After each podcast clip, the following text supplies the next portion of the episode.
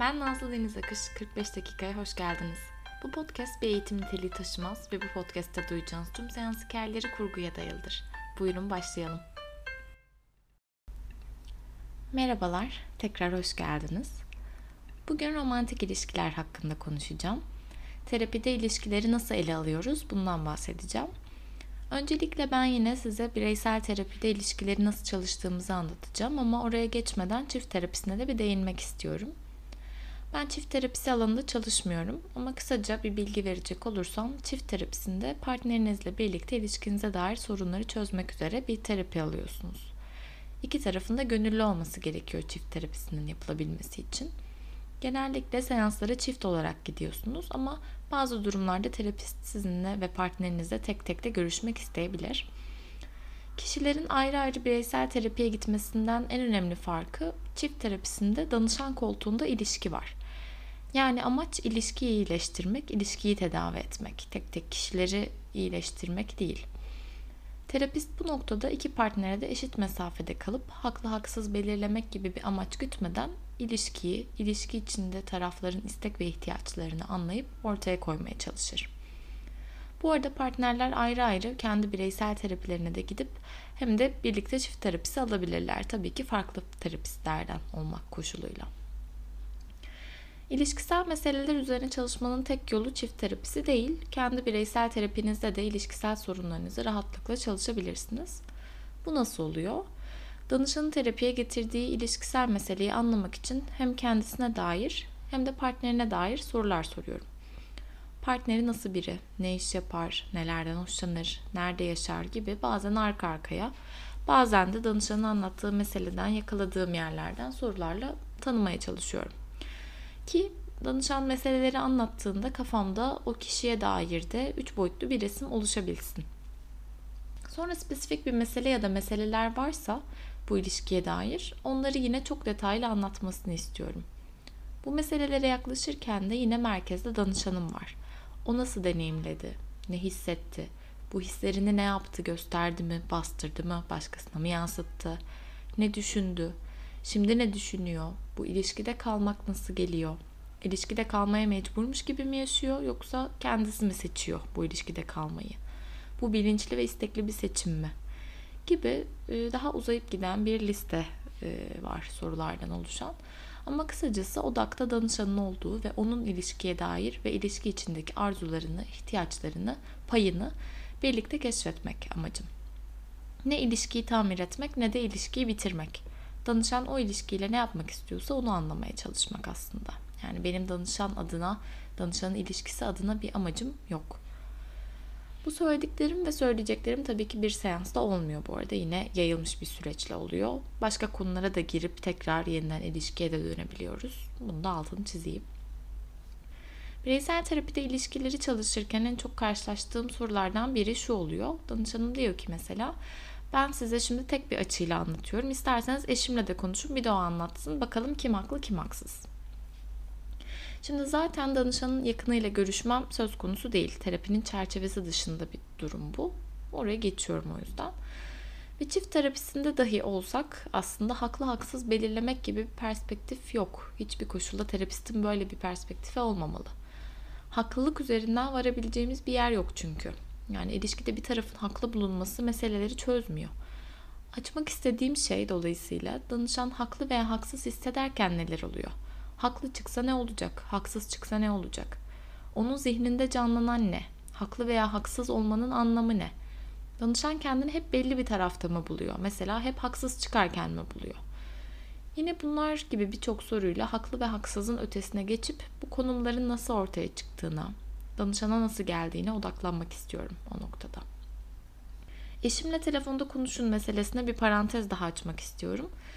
Bazı danışanlar kendi haklılığını göstermek için değil de objektif olduğuma emin olmak için yapmak istiyorlar bunu. Oysa benim terapist olarak terapide amacım ilgilendiğim tamamen öznel olan alan, sübjektif olan alan. Yani objektif olmak gibi bir iddiam zaten yok. Burada neyi kastediyorum? Bireysel olarak danışanın gerçekliğine, yani e, danışan ne anlatırsa anlatsın. ilişkisel bir sorun da olabilir, bir travma da olabilir. Yani ben bu gerçekten yaşandı mı, gerçekten bu şekilde yaşandı mı diye bir araştırmaya girmiyorum. Danışan öznel olarak ne hatırlıyorsa, onun perspektifinden nasıl yaşanmışsa, aynen ben de o şekilde olaya yaklaşıp onu olduğu gibi alıp o gerçeklikle o deneyimi anlamaya çalışıyorum. Danışan bu deneyimi nasıl anlıyor, nasıl yaşıyor, nasıl tarif ediyor? Bunlar daha önemli dışarıdan bir gözle nasıl göründüğünden ziyade. Danışanın içinde nasıl bir yankısı var, nasıl bir anlamı var. Dolayısıyla başka birinden danışanı dinlemek gibi bir ihtiyacım hiç yok terapide. Yani ne annesinden, ne babasından, ne eşinden. Ne duyacaksam danışandan duymam gerekiyor. Yani ilişkisel bir şey de olsa bir başkasının dediğini de duyacak olsam yine danışanın ağzından, danışanın kelimeleriyle, onun aklında kaldığı yerden girmek istiyorum onun dünyasına. Bir diğer mesele bireysel terapide ilişkileri çalışırken karşı taraf hiç değişmiyor ben ne yapabilirim meselesi. Öncelikle karşı tarafı değiştirmek gibi bir iddiam hiç olmadı. Hatta kendi danışanımı bile değiştirmek iddiasında değilim. En nihayetinde seçimleri kendisi yapacak. İlişki üzerine çalışırken danışanın beklentisi, karşı tarafın değişmesi ve bu sayede ilişkinin iyileşmesi ise orada bir durmakta fayda var. Birkaç şey üzerinden ele alınabilir bu nokta.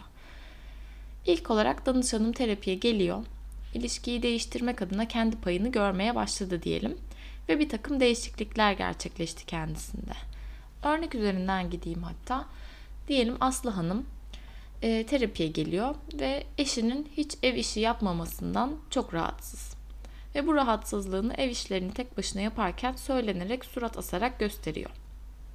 Eşi de bu durumun ya farkında değil ya da Aslı Hanım'ın bu tepkilerini pek umursamıyor. Bu döngü uzunca bir süre devam ediyor.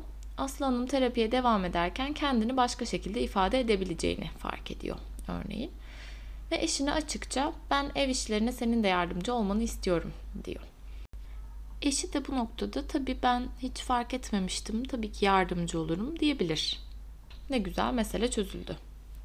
İkinci bir seçenek eşi ben de ev işi yapmak istemiyorum istersen bir yardımcı tutalım diyebilir. Orta bir yol bulmuş olurlar. Bu sayede yine bir çözüm olabilir.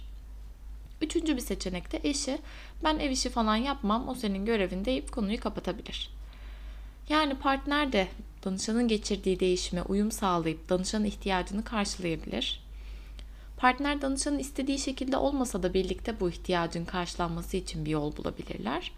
Veya partner bu ihtiyacı karşılamamaya devam eder.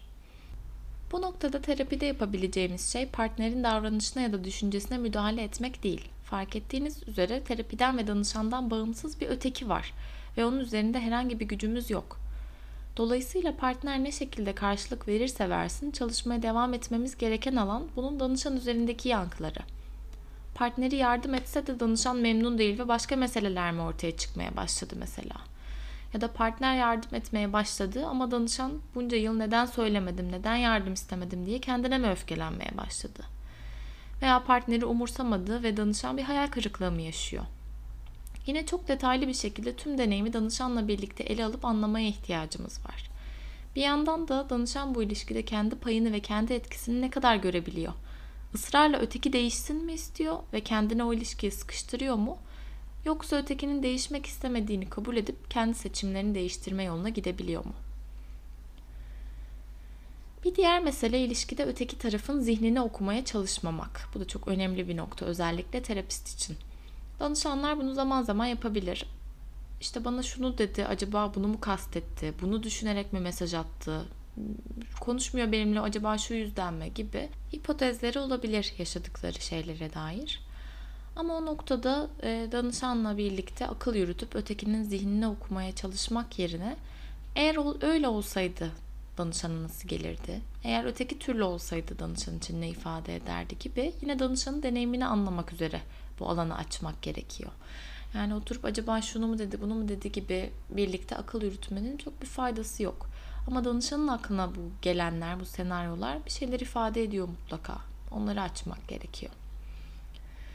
İlişkiler sadece romantik ilişkiler de değil, aile ilişkileri, sosyal ilişkiler, iş ilişkileri, otoriteyle ilişki gibi birçok çeşitli şekillerde hayatımızın önemli kısmını kaplıyor. Aslında terapide de en çok alanı kaplayan konulardan biri. Herhangi bir ilişkide sorun yaşıyorsanız terapide bununla ne yapabilirim diye düşünmeyin. Aslında birçok şey yapabiliyoruz az önce saydığım üzere. En önemlisi de o ilişkiyi o şekilde yaşıyor oluşunuz kendinize dair birçok şeyi ortaya koyuyor.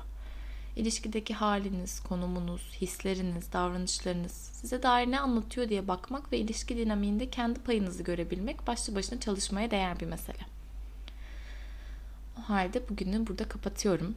Sorularınızı bana iletmeyi unutmayın. Haftaya görüşmek üzere.